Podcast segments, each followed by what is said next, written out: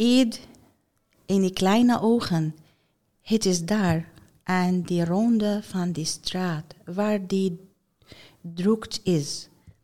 Er is vreugde op deze kleurrijke dag.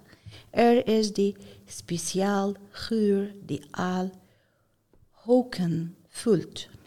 Wij kunnen deze mooie geur niet raden. Het kan in mengsel zijn van rozenwater, muske en lavender. Of die geur van anijs en zwart zaad.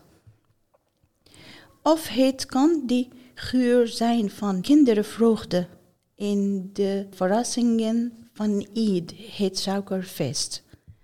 Op deze dag maken wij een reis naar een andere dimensie. Wij leven daar in het einde van suikerfeest komen. Wij terug naar onze echt wereld. Mijn handen zijn de hele tijd vol en bezweet, terwijl ik hun handen vasthouden. Mijn broers en zussen zijn mijn id. Die ogen van die kleine kinderen worden groot van verbazing van die geluiden, kleuren en geuren. Hun ogen tonen verwaring. Waar moeten zij beginnen? Met het snoepjes of, uh, of die schommel, met het uh, spelgoed, de kleuren van het feest of andere dingen.